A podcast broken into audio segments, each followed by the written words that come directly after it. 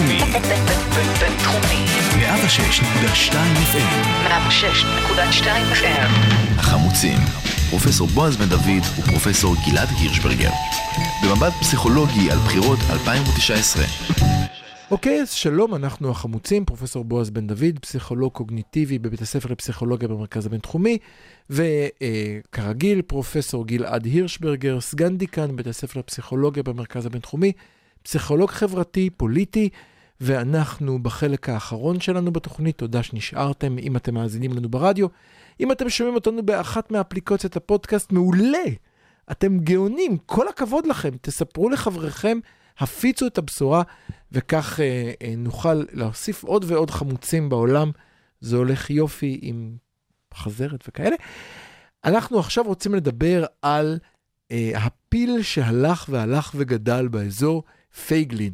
האיש שנזרק מהליכוד ו- ונעלם ויחזר עם מצע שהוא ספר שנמכר בחנויות הספרים, הלך נגד כל האסטרטגיות שכולם חשבו שלא יעבדו, ומה פתאום, ואחוז חסימה ואין לך סיכוי.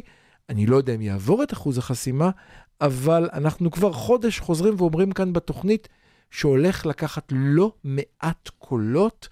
השאלה היא איך הוא עושה את זה. גלעד רוצה לטעון כי הוא מבין בפסיכולוגיית המונים. גלעד. טוב, צריך להבין uh, מי זה פייגלין ומה אנחנו בעצם רואים בשבועות האחרונים. Uh, פייגלין, uh, כזכור, uh, היה פעיל בתנועת uh, זו ארצנו, שהפגינה בצורה אלימה הרבה פעמים ולא חוקית uh, לפני רצח רבין, הוא, הוא בעצמו נעצר. Uh, מאז הוא עשה כל מיני תמרונים uh, פוליטיים uh, שונים. למשל, הוא המציא את שיטת הסוס הטרויאני. בפריימריז של הליכוד, ובעצם אחד האחראים לכך שהליכוד הפך להיות מפלגה הרבה יותר קיצונית ממה שהיא הייתה בעבר. ועכשיו יש לו שיטה חדשה. ואני רוצה לומר כמה מילים על שכנוע בפסיכולוגיה ואסטרטגיות שכנוע, ולראות איך פייגלין משתמש בהם בצורה מיטבית. איך אנחנו יכולים לשכנע אנשים להצביע עבורנו? אנחנו, אתה מועמד לצורך העניין, בועז. איך אתה משכנע אנשים מעולה. שיצביעו עבובך? אני לא יודע. ישנן uh, שתי אפשרויות. אפשרות אחד, אחת זה שתלהג ותדבר כמו שאתה נוהג לעשות, ותנסה, לא עובד ותנסה לש, לשכנע את השומעים שלך שהטיעונים שלך הם נכונים, שאתה נורא חכם, שאתה צודק, שהנתונים מצביעים בכיוון שלך. הסיכוי שזה יעבוד הוא? כן, כן, אפס. זה הוא בסדר. לא אפס, אבל הוא קטן. יש אנשים שכן... כן. ברני אה, סנדרס. שכן אה, מושפעים מסוג כזה של שיח, אבל רובנו לא כאלה. ופייגלין מבין את זה. פייגלין מבין שאם הוא ישכנע אנשים במה שהוא רוצה, ומה הוא רוצה, אפשר לקרוא את המצע שלו, אף אחד לא קורא את זה, אבל אפשר לקרוא את הדברים שהוא אומר. מה שפייגלין רוצה, זה למשל להקים את בית המקדש השלישי. הוא רוצה אה, שהר הבית יהפוך ל- ב- לשליטת הרבנות. הוא רוצה להעביר את כל מוסדות המדינה אה, בסמוך להר הבית. הוא רוצה... אה, הוא לא אומר לספח לגרש, השטחים, הוא רוצה לספח. לספח את השטחים, כמובן, לחלוטין, כמובן. סיפוח לס- מלא. כן, כן, כן, הוא רוצה לספח את השטחים, והוא לא, מד... הוא לא משתמש במילה גירוש, אבל אפשר להבין שרק אותם ערבים שיעמדו ברף המאוד גבוה שהוא מציב, יוכלו להמשיך אה, להתגורר כאן וכולי וכולי. עכשיו, אם הוא ינסה לשכנע את הציבור אה, ב- להצביע עבור הדברים האלה, הסיכוי שלו הוא אפס, כן? אה, אנשים, אה, רוב הציבור הישראלי מתון ומפחד מהדברים האלה. אז מה הוא עושה? הוא מציע ג'וינטים. הוא אומר, אני בעד לגליזציה מוחלטת של סמים. אני בעד חופש אה, אזרחי מוחלט, למרות שזה לא נכון אם מסתכלים בה על האותיות הקטנות, כן. אבל הוא, הוא נשמע הוא רץ כאילו ליבר שהוא- כליברטן, אולי נגיד את הוא, המילה. הוא רץ כליברטן, נכון? כמישהו שמאמין בחוסר התערבות של המדינה בחיי הפרט, הוא נותן, אה, אה, הוא מסכים עם אה, חופש מאוד גדול, וזה קוסם להרבה מאוד אנשים. וכאן אני מוכרח להגיד שאני הולך ומתמלא בכעס כלפי אה, חבריך למפלגה שאתה אה, נוטה להצביע תמיד עבורה. אני אשם, תמיד אני כן. אשם. כן, כן. לא, זה בסדר. איזה מין אנשים עוברים ממרץ אה, רגע, עכשיו אתה מאשים את המצביעים? בוודאי. אה, אוקיי. בוודאי. לא, אני איזה- צריך לדעת את מי אני מייצג עכשיו. עוברים להצביע לפייגלין בגלל שמציעים להם ג'וינט וחצי. כן? זה, זה דבר מדהים. לא לימדו את האנשים האלה שלא מקבלים סמים מאנשים אה, קריפים עם אה, זקן. איזה מין חינוך הם קיבלו האנשים האלה? אני לא מבין. אתה אומר, אפילו אבל בצריכת סמים פייגלין הם לא זהירים. מצליח למשוך מצביעי, מצביעי, מצביעים תל אביבים, סטלנים, שמאל אה, כאלה. כן, זה- כן, זה לא, כן, תסתכל על הסקרים, זה לא לא תסתכל משם הוא שואב קולות. הוא שואב הרבה מאוד קולות משם. גם משם? הרבה מאוד קולות הוא שואב משם. לא רק מהגבעות? לא, לא, לא. גם הג- הגבעות זה מעט מאוד אנשים, זה לא, בגבעות אין מנדט. לא, הגבעות לא דיברתי על הגבעות כשוכני הגבעות. דיברתי על רוח הדברים. אה, אין הרבה כאלה, אין הרבה, אין מספיק אנשים כאלה בשביל לעבור את אחוז החסימה. אתה באמת חושב זה שהוא... סטלנים תל אביבים שמצביעים, שרוצים uh, עוד סמים, ואני מכיר אנשים כאלה. אני מכיר אנשים שכל מה שמעניין אותם... אז למה אתה מאשים אותי? תאשים את החברים שלך. לא החברים מבין שלי לא זה. עושים גם, את זה. גם ככה קל להשיג סמים בתל אביב. מה, זה מה שחשוב? שהם יוכלו במכולת ללכת ולקנות סמים? הדרך לבית המקדש השלישי רצופה בג'וינטים ובקססה ובכל מיני דברים כאלה, כן? אה, בשביל אה, לקדם את האג'נדה המשיחית שלו, הוא מוכן אה, לקחת את החילונים, העגלה הריקה, כפי שהוא אה, תופס אותם, והוא מוכיח שבאמת עגלה ריקה, עם כל מה שצריך בשביל למשוך אותם, זה קצת סמים. אבל מה שהוא עושה כאן, הוא בעצם קצת- אתה משתמש... קצת מקטין, הוא עושה יותר מזה. הוא לא. משתמש באסטרטגיית שכנוע שהיא האסטרטגיה שאנחנו יודעים שבדרך כלל עובדת, זה האסטרטגיה העקיפה. האסטרטגיה העקיפה אומרת שאנחנו מצביעים עבור מועמדים לאו דווקא בגלל העמדות שלהם, אלא בגלל איך שהם נראים, והוא נראה כמו בן אדם מאוד מיושב ומתון, סבר פנים אה, נחמד וכל הדברים האלה. והוא גם מציע משהו שמעורר רגשות חיוביים. היי, איזה כיף.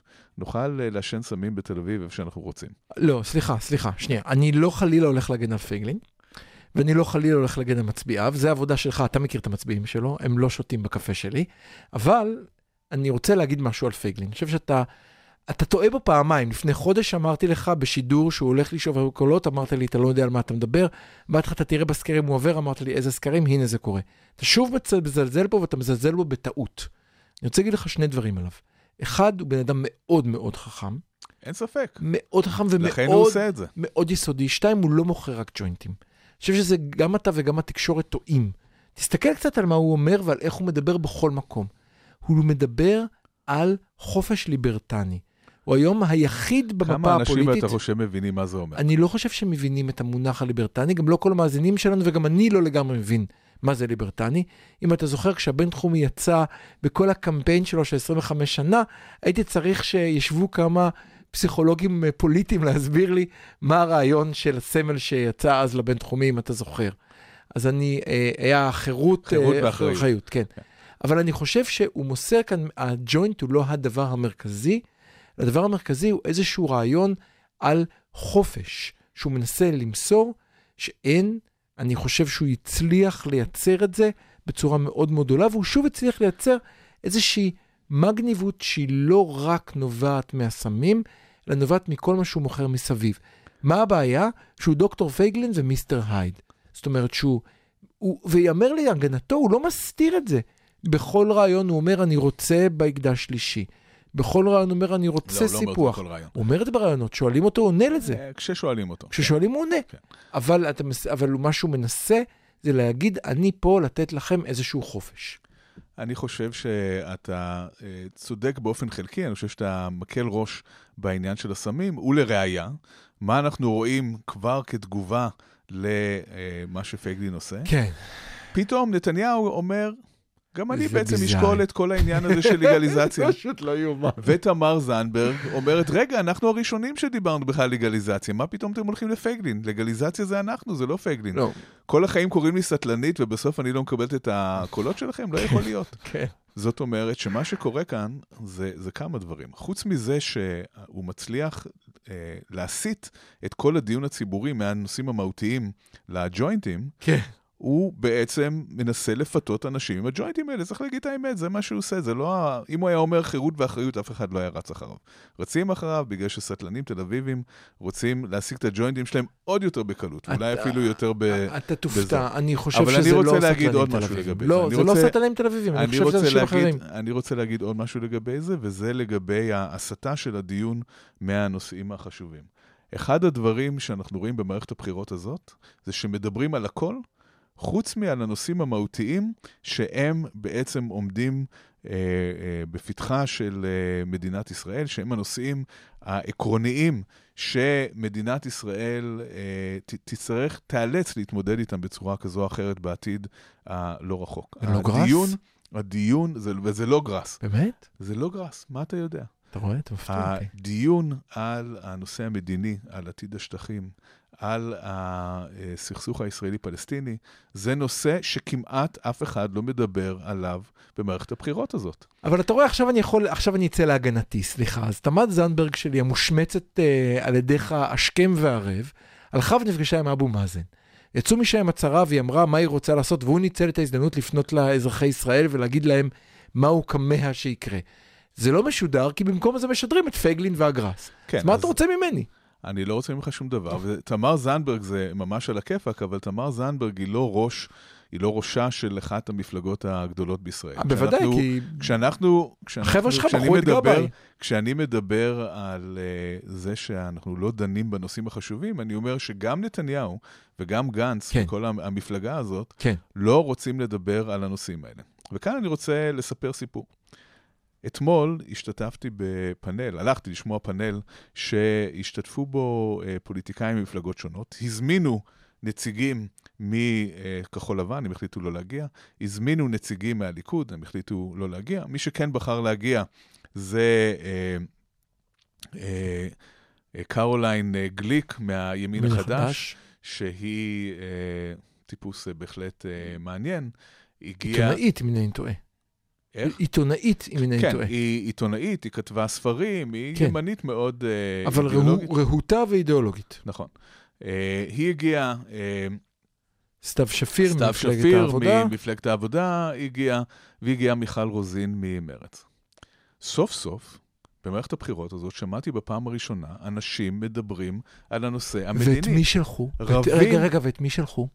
את מי כל המפלגות שלחו לדבר על זה? כן, קודם כל שלחו נשים, אבל למה זה היה... שלחו את- למה שלחו את הבנות? לא, לא, אני, אני חושב שזה היה מצוין שזה היה נשים. לא, אבל למה המפלגות שלחו את הבנות? אני חושב שזה בדיוק הנקודה, לא את הנשים, את יכול- הבנות. כי זה כל להיות. כך לא חשוב, אז אנחנו לא, שולחים לא לשם את הנבחרת לא השנייה. חשוב. אני חושב שהם מנסים להתחבא ולא לדבר על הנושאים האלה. אבל הדיון הזה היה דיון מאוד חשוב, הוא היה דיון שהקהל אה, היה באקסטזה ממנו. סתיו שפיר, אגב, אה, הראתה יכולות אה, אה, מדהימות, שהיא ממילא מראה בהרבה מאוד אה, אירועים מהסוג הזה, וסוף סוף דיברו על הנושא הזה. סוף סוף דיברו על הנושא של איך אנחנו ממשיכים להתמודד עם המציאות הזאת של סכסוך, של כיבוש, של שליטה ב-2.6 מיליון פלסטינים. מה שמאוד עניין אותי בדיון הזה, זה שהיה שם גם אה, נציג אה, פלסטיני של איזושהי קואליציית אה, שלום פלסטינית ברמאללה, ומה שהיה מעניין פה, וכאן בניגוד לתמר אה, זנדברג, העמדה של סתיו שפיר הייתה מעניינת בכך שהיא דיברה על הצורך לסיים את הסכסוך, אבל לא ביטלה את המאבק המאוד משמעותי שקיים בין הציונות לבין הלאומיות הפלסטינית. ובאמת אותו נציג אה, פלסטיני, אה, שזה היה קצת אה, מצחיק שהוא קרא לעצמו נציג של קואליציית שלום, כי הוא בעצם עמד שם ואיים. הוא אמר, מה, לא, מה יקרה אם לא ניסוג מהשטחים או לא נגיע לפשרה עם הפלסטינים? והיה חשוב לראות את שני הצדדים האלה, שמצד אחד, לישראל כנראה לא תהיה ברירה, אלא להגיע לאיזשהו הסדר עם הפלסטינים, אבל אסור לנו גם לשגות כנראה באשליות לגבי אופי ההסדר הזה. אז בואו אנחנו נעצור. דיברנו על דוקטור פייגלין ומיסטר הייד, דיברנו על כך שהוא מוכר לטענתך גראס, לדעתי הוא מוכר משהו חזק יותר מזה. אתה דיברת על המצביעים הסטלנים התל אביבים, אני רואה את המצביעים מתרבות המועדונים, שהיא לא תרבות תל אביבית דווקא, היא תרבות דווקא של הפריפריה, שמגיעה לתל אביב, תרבות שמחפשת מישהו שייתן לה חופש ויהיה ימני מספיק, שמחפשת ג'וינטים. ויהיה ימני מספיק, ולא יצביעו למישהו שהוא לא ימני. אני חושב שזה... חלק, חלק אה, גדול מאוד של מהמצביעים הליכוד. של המפלגה הזאת הם לא ימנים, הם לא אנשים שהם ימנים במהותם. אני מאוד מקווה שאתה טועה, ואם אתה צודק, אנחנו בבעיה, לפחות אנחנו אני בבעיה. בבעיה. אה, אני מודה, לא לא הסתרתי את החמוציתי, ואני רוצה לסיים ב-90 שניות של מדע. חזרתי עכשיו מכנס פסיכולוג'יקל סיינס, שהיה באירופה, כנס שנערך אחת לשנתיים, ומה שמעניין בו שהוא כנס אה, בין-תחומי על כל תחומי הפסיכולוגיה. מאפשר גם לחמוצים קוגניטיביים כמוני להיכנס מדי פעם לשמוע הרצאות קליניות ואפילו, אה, רחמא ליצלן, הרצאות של פסיכולוגיה חברתית פוליטית. הייתי באיזה פאנל שהיה לי מאוד מעניין. אחת המסקנות המרתקות ממנו הייתה הדבר הבא: שאלו מצביעים אמריקאים מה הדבר שיגרום להם להקשיב למי שנמצא מהצד השני שלהם. יש הפילוג מאוד משמעותי, כמו שאתה בוודאי יודע, בארצות הברית, בין דמוקרטים רפובליקאים, משפחות נקרעות, בטח בעקבות טראמפ והילרי, נושא החזקת הנשק. שאלו המצביעים מה יגרום לכם להקשיב לצד השני, כל המצביעים אמרו, הם הביאו לי מידע. הלכו ובדקו, נתנו, כמו שאתה אמרת, נתנו מידע, המידע רק גרם לצד השני להישמע לא אמיתי, לא מהימן, לא נעים, לא נחמד, מתנשא, ובטח לא לשכנע. ואז בדקו דבר אחר, שנורא נחמד בסקר ענק של כמה אלפים, בניסוי שחזר עצמו מספיק פעמים בשביל לשכנע אותי, ביקשו מהצד השני, שהוא כמובן היה מדומיין, לבוא ולהגיד חוויה אישית. חוויה אישית, חשוב יותר חוויה אישית של פגיעה. זאת אומרת, חוויה אישית שבו מספרים משהו שקרה להם כפגיעה ובגללו הם מדברים. זאת אומרת, אני מדבר בעד נשק או נגד נשק, או בעד, הבורש, בעד uh, הפלה או נגד הפלה, בגלל חוויה אישית שקרתה לי. מה שהתגלה מעניין, כאשר הצד שני השיג חוויה אישית, או חוויה אישית של פגיעה, אז המאזין היה מוכן להזיז את העמדה שלו קצת לצד השני. מוכן לשמוע אותו, מוכן להגיד שהשני, גם שהוא רפובליקאי איום ואידיוט, אבל הוא עדיין בן אדם. אני מוכן להקשיב לו ואולי להתפשר איתו.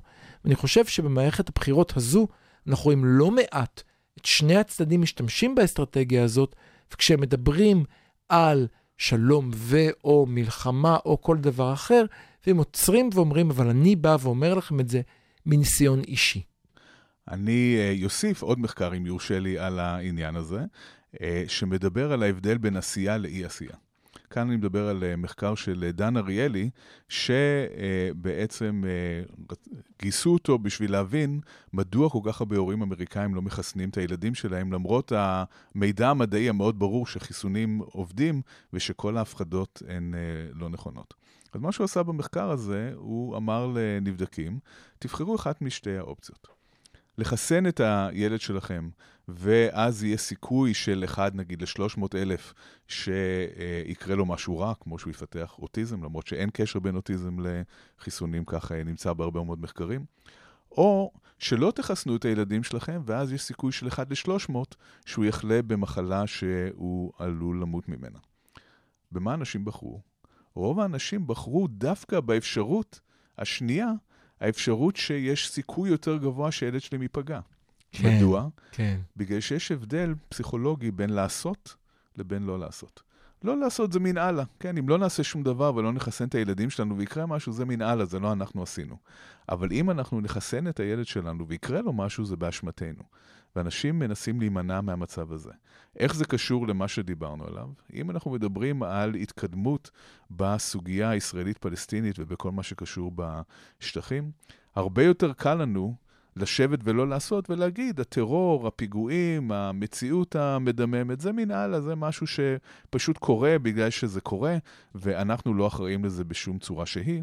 אבל אם נעשה צעד, אם ניסוג מאיפשהו, אם נעשה איזושהי התנתקות, אם, אם נחתום על הסכם עם צד אחר ויקרו דברים, אז נרגיש שזה באשמתנו, שאנחנו עשינו משהו שגרם לכך.